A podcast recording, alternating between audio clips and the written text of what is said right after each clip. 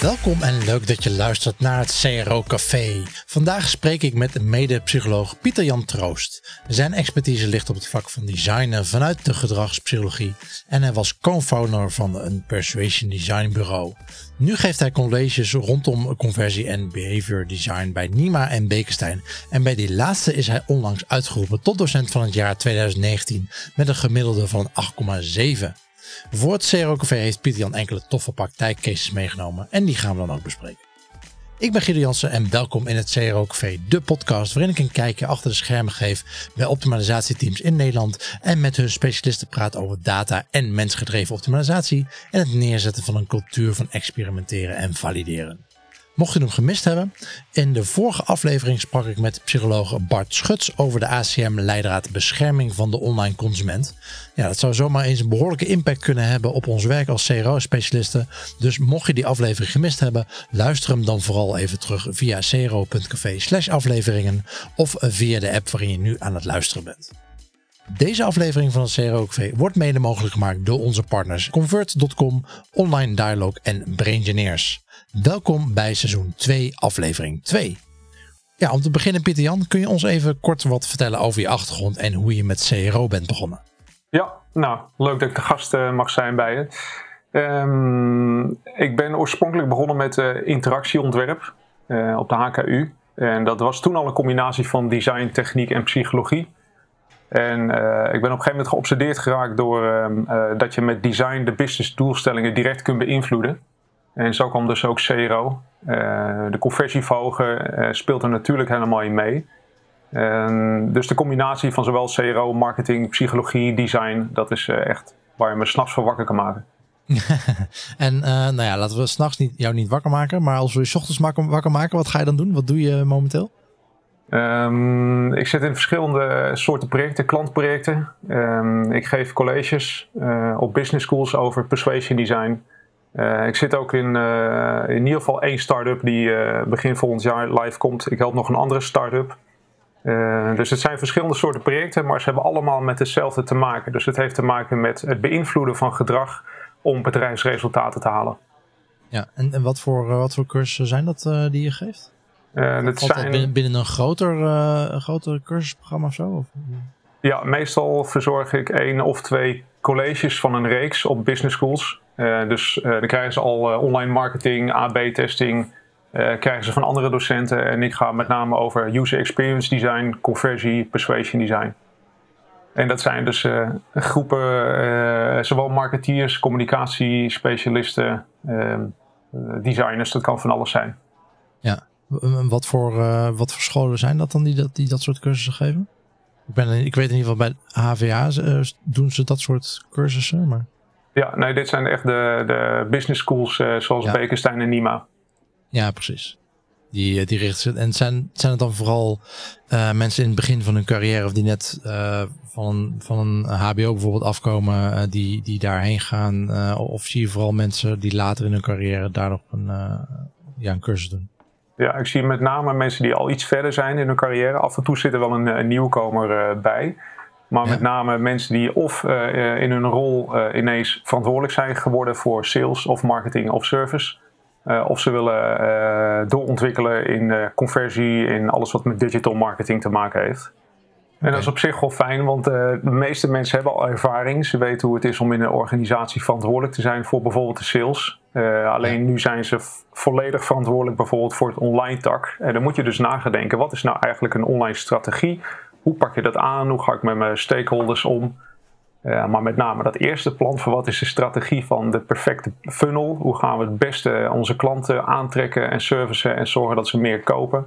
Dat is natuurlijk een onderwerp wat, uh, wat heel erg belangrijk is. Ja, hoe, hoe kan ik datagedreven bezig zijn?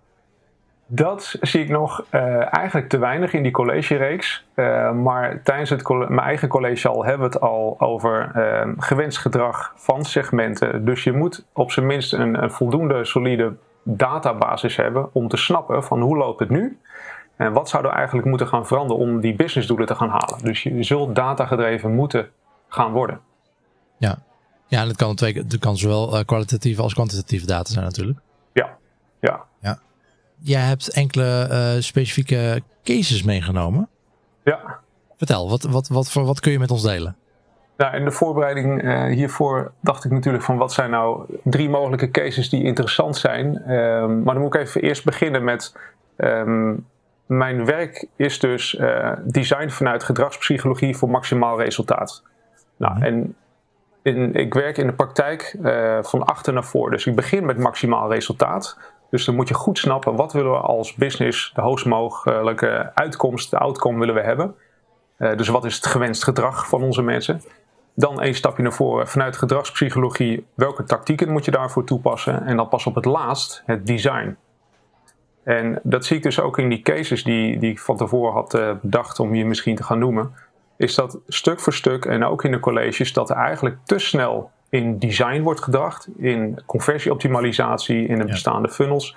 Maar dat er onvoldoende goed wordt nagedacht over welke tactieken we dan moeten doen. En al nog minder het gewenst gedrag van onze segmenten.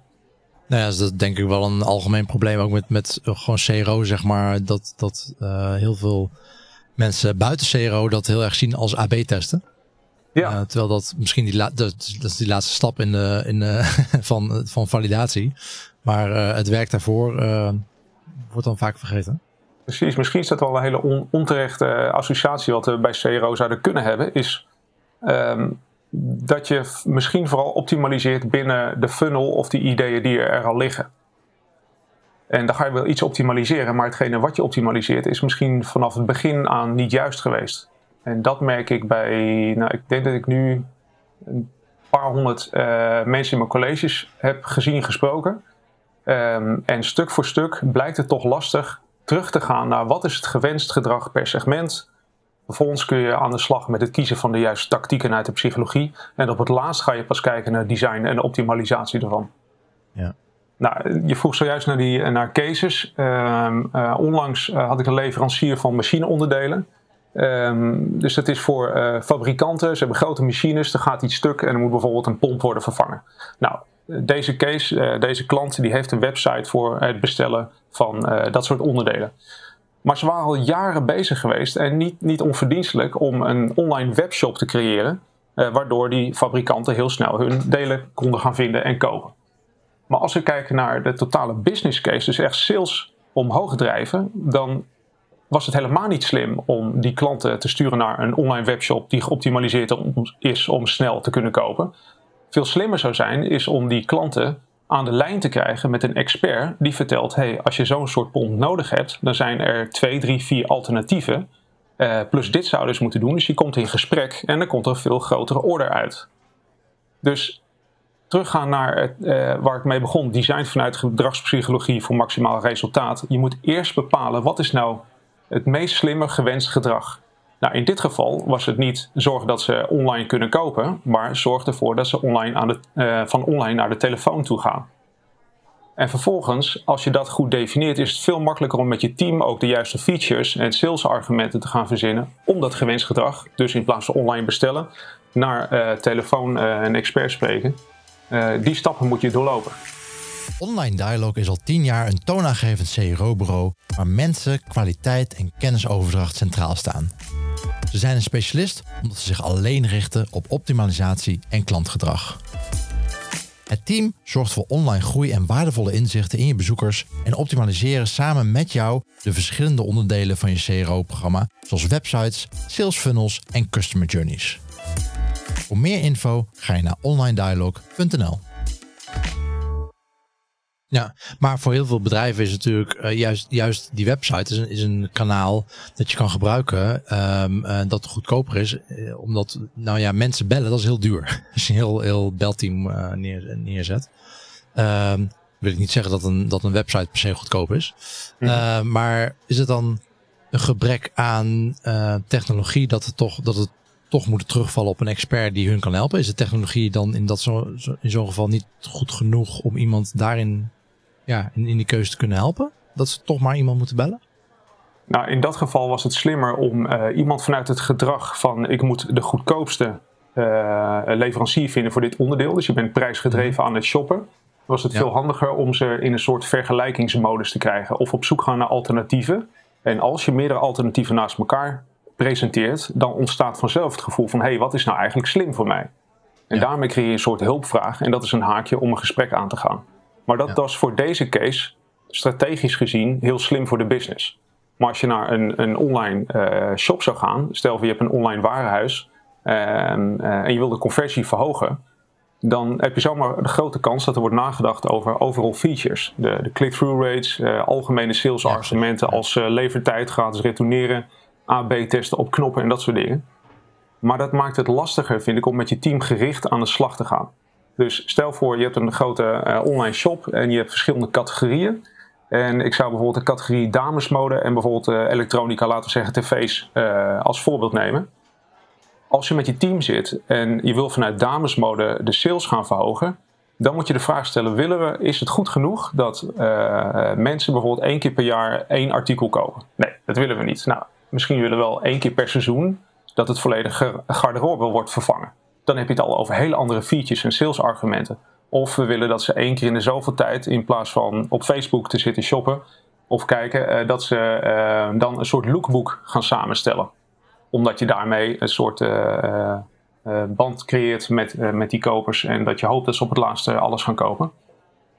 Als je het zo gaat definiëren, dan ben je al veel scherper bezig en dan kun je veel beter de features en de salesargumenten gaan benoemen. Nou, en in het voorbeeld van bijvoorbeeld de televisies, stel voor dat ehm, een groot deel Um, dat je het herdefinieert. Uh, bezoekers die voor de Samsung 800 euro TV komen, die gaan we nu verleiden naar de Samsung 850 euro. Of als we een campagne hebben lopen met een ander merk, uh, bijvoorbeeld Philips, dan gaan we met het team, is gewenst gedrag, we gaan bezoekers van de Samsung 800 euro tv's, die gaan we verleiden naar Philips te gaan, omdat we die maanden meer marge hebben.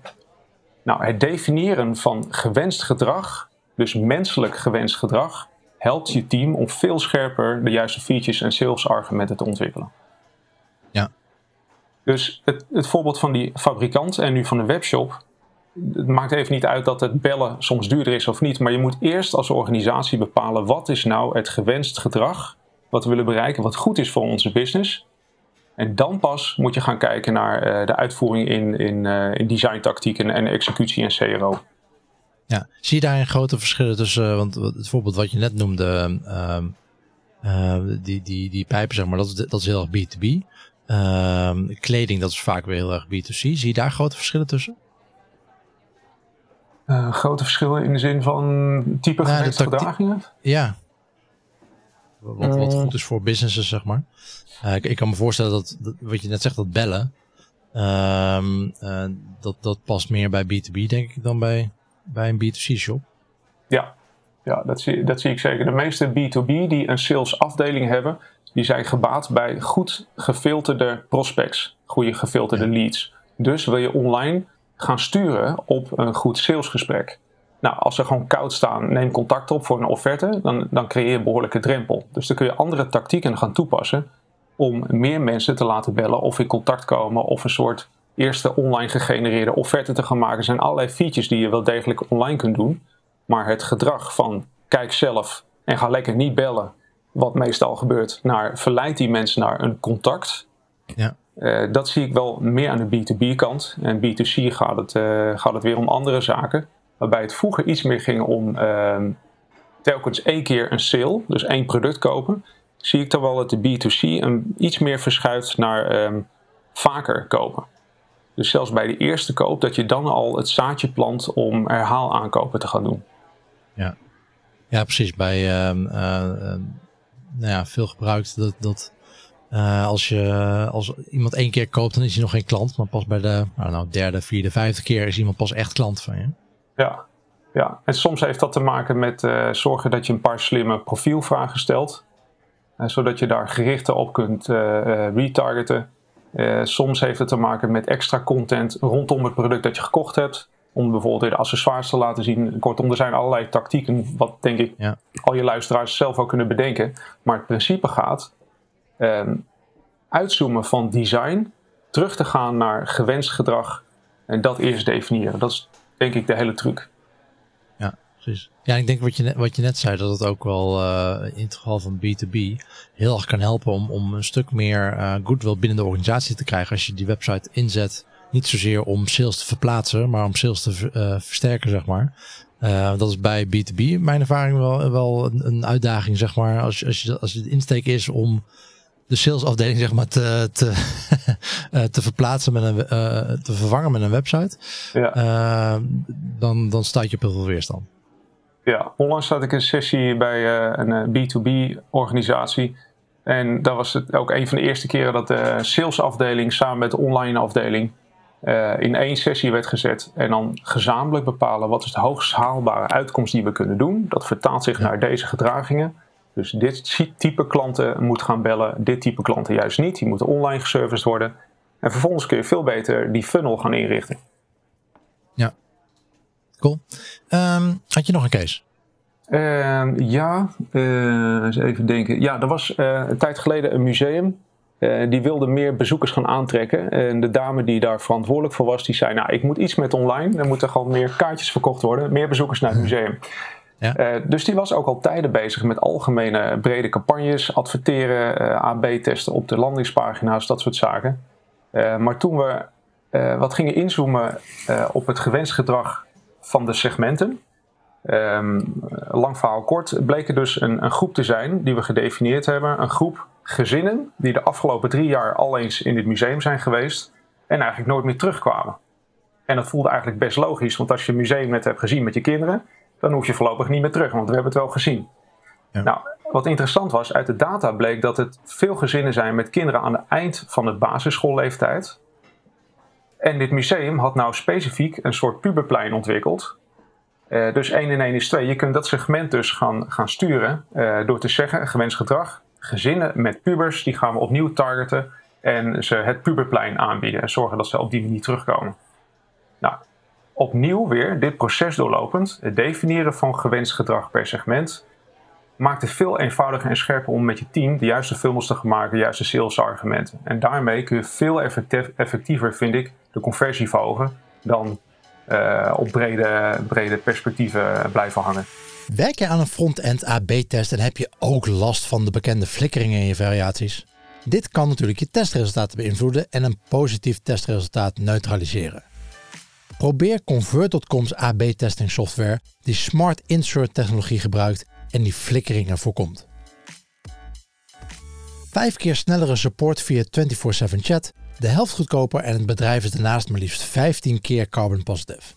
Je doet dus jezelf, je bedrijf en de volgende generatie een plezier door hun website convert.com sneller eens te bezoeken.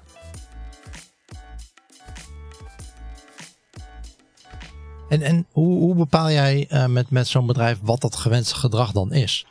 Um, en, en wat die segmenten dan zijn? Ja, um, het, het, is na zoveel jaar heb ik inmiddels dat om weten te zetten in een Excel of een vragenlijst. En uh, ja. het is letterlijk beginnen met wat is de hoogst haalbare uitkomst die we zouden moeten willen bereiken als organisatie. Uh, als een voorbeeld bijvoorbeeld 50% meer sales online. En dan vertaal je dat naar een set van 5 tot 15 gewenste gedragingen. Dus je begint echt te typen uh, met het team. Uh, begin je van, ah, we willen bijvoorbeeld dat ze het eerste product kopen. We, ge gewenst gedrag 2, we willen zorgen dat zij de upgrades kopen. Gewenst gedrag 3 is, we willen niet dat mensen het product retourneren. Gedrag 4, we willen als we notificaties of, of mailtjes sturen, dan willen we graag dat ze die openen en de suggestie opvolgen. Gedrag, volgende gedrag, we willen bijvoorbeeld dat ze wel of niet gaan bellen. Of we willen dat ze foto's maken van dit product en dat delen op social media. Oftewel, ik vind dat je een organisatie is eigenlijk niks meer en niks minder dan gewoon een hele lijst aan gewenste gedragingen door mensen. En als deze mensen, je stakeholders of je klanten, als deze mensen alle gedragingen uitvoeren, dan heb je vanzelf een succesvol groeiend bedrijf. En als je op, vanuit dat perspectief naar organisatie, naar CRO, naar, naar, naar omzet kijkt, het is gewoon een lijst aan gewenste gedragingen. En per gedrag ben ik in staat om met design om dat gedrag te beïnvloeden. En link, link je dat dan ook aan um, um, ja, de bedrijfsstrategie, zeg maar, aan, aan, de doelen die ze hebben voor, voor de komende jaren? Van oké, maar dit, dit, dit willen jullie bereiken. En vertaal, ben jij dan degene die dat voor hun gaat vertalen naar, oké, wat zijn dan gedragsveranderingen die uh, moeten plaatsvinden? Ja, dat is in de praktijk wat er gebeurt. En uh, meestal in de, in de eerste of eerste twee sessies blijkt dan, oh wacht even, als we het op deze manier vertalen naar gewenste gedragingen, dan zijn we eigenlijk een, niet een, een lead bedrijf, maar zijn we veel meer een warme service bedrijf. En ons DNA matcht eigenlijk dan beter als we op dit spoor gaan zitten met deze gewenste gedragingen. En omdat we die gewenste gedragingen kunnen beïnvloeden, gaan we het resultaat halen. Dus het geeft heel veel inzicht. Het geeft haakjes om de propositie, je elevator pitch, je richting en zelfs het instrueren van je team. Dat, dat helpt ontzettend. Maar ik moet wel zeggen, de, de, de, de manier van denken, uh, dat is in het begin wel eens um, uh, iets waar mensen aan moeten wennen. Dus wat is nou precies een gewenst gedrag? Uh, hoe definieer je dat? Hoe ziet dat er nou uit? wanneer is het nou scherp? Want als het goed is gedefinieerd, ja, dan kunnen we gewoon met z'n allen aan de slag. Maar die eerste slag, help ons nou met het opstellen van de juiste gewenste gedragingen. Dat is nou precies hetgene wat ik afgelopen jaren mezelf achteraf gezien uh, in verdiept heb. Welke vragen moet ik stellen? Hoe loopt het proces nou om te komen van uh, doelstellingen naar uiteindelijk design? En daar is gewenst gedrag definiëren, is voor mij gewoon echt de basis. Als je dat niet goed doet of overslaat, dan wordt het later gewoon rommelig.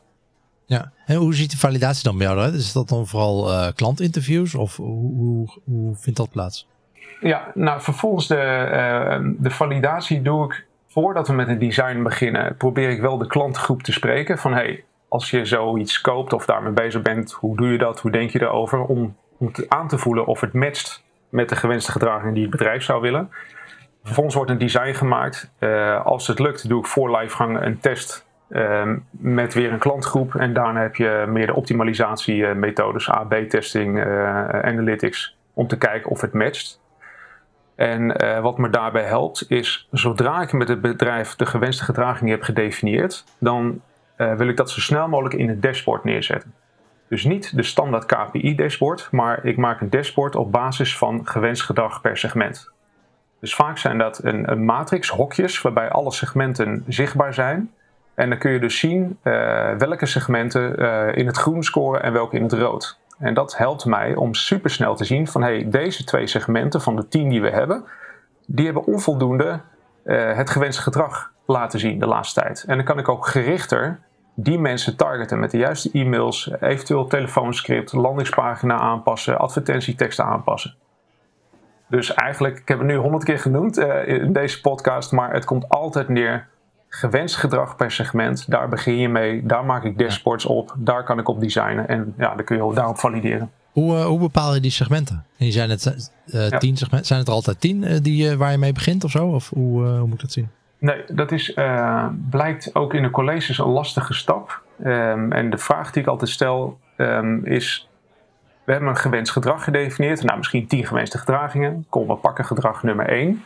En dan is de vraag: hoe groot is die populatie in Nederland, Benelux, Europa of wereldwijd, waar je ook zit. Hoe groot is nou in aantallen de populatie die dit gewenst gedrag zou kunnen gaan uitvoeren? Nou, laten we zeggen dat het er misschien uh, duizend zijn. Dat teken ik als een soort uh, taart van 100%. Dus een, een soort pie chart, maar dan net iets anders. Um, die groep, die 100% populatie, hoe zou ik die kunnen verdelen als ik het in extreem twee groepen zou verdelen? Bijvoorbeeld um, de mensen met uh, een hoog budget voor dit product versus laag uh, budget. Of ik zou die duizend mensen opnieuw kunnen verdelen in um, ik heb nog nooit dit product gekocht of ik koop dit product al jaren, maar dan lekker bij de concurrent. En zo definieer ik meestal uh, ook, ik denk 10, 15 soorten verdelingen. En als ik die op een rij heb gezet, dan blijkt er ineens een patroon te ontstaan. Bijvoorbeeld de nieuwkomers op de markt, weinig budget, uh, weinig kennis over het product. Uh, versus uh, de groep experts die al jaren zaken kopen, maar dan bij de concurrent met een prijsgedreven insteek. Nou, dat helpt mij om snel te komen tot een paar grof extreem verschillende segmenten. En die gebruik ik bijna als een soort persona's om mijn funnels te designen. Door neurowetenschappen met AI te combineren, detecteren ze bij Braingineers de emoties onder consumenten op basis van hersendata. Tegelijkertijd worden ook eye-tracking, mouse-tracking en schermopnames vastgelegd, zodat je per seconde kan zien hoe je consument online interacteert en wat zij op dat moment onbewust voelen. Deze informatie wordt toegankelijk gemaakt voor je hele team middels hun Emotion Analytics platform BrainPeak, de sleutel tot de ware consumentenbeleving. Ontdekken hoe consumenten zich echt voelen op jouw website? Ga naar www.braingineers.com. Um, ja, je had het net al over, uh, over wat startups waar je, met, uh, waar je mee bezig bent. Kun je daar wat over, over vertellen? Ja, er is, uh, ik werk momenteel aan myend.com, dus mijn einde. En ja. we zijn nog achter de schermen ermee bezig, maar dat wordt een, een start-up rondom het online testament. En daar gaan we kijken of we een aantal dingen kunnen veranderen, hopelijk in de markt rondom testamenten. en hoe dat hier in Nederland en in het buitenland werkt. Ik kan er nog niet zo heel veel over vertellen. Waarschijnlijk eind van dit jaar uh, moet het live komen. Maar daar ga ik allerlei tactieken wat ik voor klanten elke keer uh, uitvoer. Gewenst gedrag per segment, designs, funnels optimaliseren. Dat, uh, dat moet in deze start-up gaan plaatsvinden. Oké, okay. en waar ga je nog meer mee bezighouden de komende twaalf maanden? ik heb een aantal klanten, waaronder de bloemenindustrie in de Verenigde Staten. Dat is ook wel heel interessant. Okay. Uh, er zijn een deel van de, de tussenhandel, uh, die, uh, die is daar niet meer nodig via dit platform. En er moet een en ander gebeuren op conversie, optimalisatie. Mm -hmm. Dus dat is wel interessant om ook op afstand een platform in de Verenigde Staten te verbeteren. daarnaast geef ik nog een, een aantal colleges en, en presentaties hier en daar. ook over het toepassen van gedragspsychologie op effectiviteit van digitale teams. Dus dan gaat het dit keer niet over het designen van websites, campagnes en apps, maar het helpen vanuit gedragspsychologie uh, hoe het team kan nadenken om zelf die websites, campagnes en apps te gaan maken. Oké, okay. uh, dat is interessant. Hoe, hoe doe je dat? Um, nou, er zitten, ik, ik, ben nu bezig om een aantal frameworks op te zetten van hoe je dat proces kunt blauwdrukken. Uh, dat, dat is rondom het thema wederom, hoe stel je nou de vraag als team wat het gewenst gedrag is? Wat voor type funnel moeten we dan doen? Hoe kom je tot de juiste salesargumenten? Hoe ziet het dashboard eruit wat we uh, op een tv neerzetten en ophangen op de afdeling, zodat je meer gedrag krijgt vanuit datagedreven denken? er zit ook een stukje leiderschap van de, de leidinggevende zit daarbij. Hoe moeten we nou dat team, uh, hoe moeten we dat denken nou gaan beïnvloeden zodat zij succesvol kunnen blijven? Dus alles wat ik zelf geleerd heb uh, met mijn teams, de teams die ik aanstuurde, de teams bij de klanten. Uh, hoe kan ik al die inzichten samen met gedragspsychologie combineren zodat dat een, nou, ultieme werkvorm gaat worden? Dus dat is iets waar ik al een jaar nu mee aan het werk ben. In december presenteer ik dat opnieuw. Maar dat blijft interessant, dus dat zal de komende tijd al doorontwikkeld worden. Ja. En tot slot um, ben ik bezig om de colleges die ik geef, um, voor een aantal internationale klanten willen ze dat uh, op een soort online academy willen ze dat hebben. Uh, voor hun teams. En die ben ik nu uh, online aan het zetten, de video's aan het schieten, de templates aan het klaarleggen. En dan, dan gaat het denk ik over een maand of zo, twee maanden staat dat klaar. Ja, dus je hebt je, je thuisstudio gebouwd. Ja, die zijn maar klaar. Ik heb uh, hier mijn lampen, de green screen. Ik heb uh, de scripts grotendeels al af. Okay. Dus ik wil die kennis gewoon meer gaan delen. want hoe beter de input van de klanten is die, die mij vragen om dingen te doen, hoe, hoe effectiever ik weer kan designen, hoe meer klanten ik kan helpen. Nou ja, dat is voor iedereen een win-win. Dus hoe ja. beter mijn materiaal wordt, hoe makkelijker mijn werk gaat worden, hoop ik. Ja, precies. Nou ja, en die video's, dat is wat schaalbaarder natuurlijk dan wanneer je zelf elke keer die video of die training moet geven precies. En je blijft één op één uh, uh, mensen coachen. En ik denk dat het gaat helpen om ze met een online course op weg te helpen. En vooral te valideren en te helpen op basis van wat ze gemaakt hebben. Ja. Nou ja, uh, speaking of online courses, waar haal je zelf je inspiratie vandaan? Hoe, hoe zorg je ervoor dat je zelf blijft groeien in het vak? redelijk veel toch lezen en, en podcasts als dit volg ik uiteraard. Um, de usual suspects zoals BJ Fogg, Cialdini, Nerjal, uh, Kahneman, Nicolene, daar allemaal blogs en podcasts uh, die ik volg. Maar dat is, mm-hmm. vind ik, iets meer voor de design, executie en CRO. Dus wanneer je weet wat je wil, dan, dan kun je dat gaan toepassen met wat ik zojuist noemde. Uh, maar met name een stuk tevoren, tot strategie komen. Dus hoe moet je nadenken om tot een effectieve strategie te komen? Dat zijn meer de McKinsey-artikelen, uh, artikelen over goal setting, salesprogramma's die ik volg puur om te leren nadenken hoe zet ik nou mijn strategie op. Dus daar haal ik uh, denk ik mijn inspiratie vandaan. Ja. En zijn, er nog, zijn er nog evenementen waar je binnenkort naartoe gaat of zo? Of, ik heb wel een aantal meetups volgens mij in de Smiezen waar ik graag naartoe wil. Maar ik neem deze weken net iets te weinig tijd om alles te volgen. Helaas. nou ja, keuzes maken toch? Ja. Ehm, zijn er nog andere dingen die je kwijt wil? Um, nou, ik heb uh, een van uh, een stukje uh, online course. die heb ik geschoten voor een, een Amerikaanse klant. Mm -hmm. Over het definiëren van gewenst gedrag en de segmenten. Dus het is mijn persoonlijke Excel die ik zelf bij elke klus opnieuw gebruik. Die heb ik online gezet. Ja. Wat mij betreft gewoon deelbaar voor CRO Café. En dat is denk ik, uh, die laat ik twee of drie weken wel staan. Uh, want daarna wordt het helemaal opnieuw geschoten en opgenomen in een groot online academy. Maar wat mij betreft, als je dat wil delen, dan, uh, dan kan dat. Oké, okay, hartstikke leuk. Ja, gaan we doen. We zetten de link in de show notes, denk ik. Precies, en dat zal vermoedelijk een pjtroost.nl slash cro-café gaan worden. En daar kunnen mensen, als ze het interessant vinden, kijken hoe die template eruit ziet. Ik heb ook een uitlegvideo erbij, uh, in uh, 40 seconden uitgelegd hoe je dat kunt invullen en de download. Maar goed, moeten ze maar kijken. Prima. Hey, dankjewel. En uh, ja, binnenkort ehm, zien we sowieso eh, jou terug in de video's. Thanks, was leuk. Hey, dankjewel. Ja, gaan aan. Hoi hoi. Zometeen ga ik je vertellen waar de volgende aflevering over gaat. Maar uiteraard heb je eerst nog een Neuronugget te goed waarin Philip Jordanova van Neurofight Academy wekelijks één psychologisch principe uit hun trainingen met ons deelt. Technologie verandert voortdurend. De manier waarop computers informatie verwerken en omzetten tot output en de interactie tussen mensen en computers is constant in flux. Aan de andere kant verandert de manier waarop onze hersenen informatie verwerken, ook wel cognitie genoemd, niet zo snel.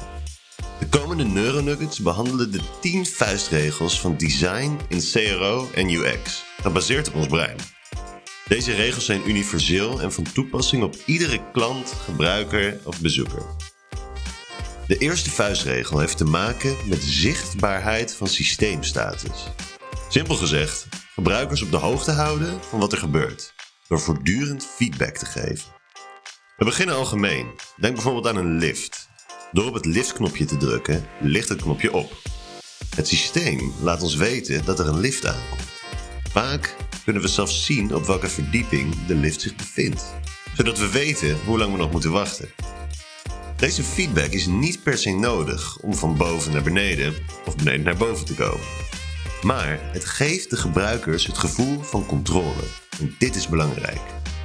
En als er geen lichtje gaat branden, dan weten we dat we beter de trap kunnen nemen. Het is belangrijk dat gebruikers de juiste feedback ontvangen op het juiste moment zonder onnodige informatie te geven. Een goed voorbeeld is het aangeven van hoe ver in een bepaald proces de gebruiker zich bevindt. Bijvoorbeeld bij het aanmaken van een account, het plaatsen van een bestelling, etc. Meer voorbeelden over feedback vind je in de Neuronugget over nudging van aflevering 22. De tweede vuistregel is de match tussen een systeem, platform of website en de wereld van de gebruiker. In een wereld waar elke dag een nieuwe tool, software as a service, product of platformdienst opduikt, is het makkelijk om je potentiële klanten te verliezen door het gebruik van vakjargon. Wat voor jou vanzelfsprekend lijkt, kan voor de gebruiker verwarring opleveren. Met name op websites en landingspagina's is het belangrijk dat je de inhoud simpel, kort, duidelijk en gestructureerd houdt. Zo spreek je de taal van je gebruiker. En om dit goed te doen is het tevens belangrijk dat je het juiste frame kiest. In onze crash course leer je hoe je framing en taal kunt inzetten voor persuasieve communicatie. Volgens deze tweede vuistregel van CRO en UX is het ook belangrijk dat een digitale ervaring matcht aan een fysieke ervaring. In UX wordt dit ook wel skeuomorphic design genoemd. Gebruikerservaringen worden als positiever ontvangen wanneer de interactie zo natuurlijk mogelijk valt. Neem bijvoorbeeld digitaal lezen op een iPad dit bevat, net zoals echte boeken, de mogelijkheid om pagina's om te slaan, tekst te markeren en zelfs in te zoomen. Met dezelfde handelingen, maar dan op een digitaal medium. Met user testing en experimentatie kun je valideren of jouw website of landingspagina aan deze heuristiek voldoet. Wil jij meer leren over het toepassen van psychologische principes in CRO om je conversie te verhogen? Meld je dan nu aan voor onze crashcourse op neurified.com/cc. Volgende week behandelen we de volgende twee vuistregels van UX en CRO. Tot dan. Dankjewel Philip voor je wekelijkse nudge. En dit was seizoen 2, aflevering 2 van het CRO Café met Pieter Jan Troost. Het kan je niet zijn ontgaan dat we ook podcastpartners hebben en daar willen we graag meer van. Uh, wil je jouw product of dienst nou ook promoten bij de leukste CRO-specialisten van Nederland? Neem dan een kijkje op cro.café slash partner voor de mogelijkheden. Volgende aflevering spreek ik met Timo Steegman van ClickValue en dan hebben we het over het ontwikkelen van een in-house CRO-strategie. Tot dan en always be optimizing.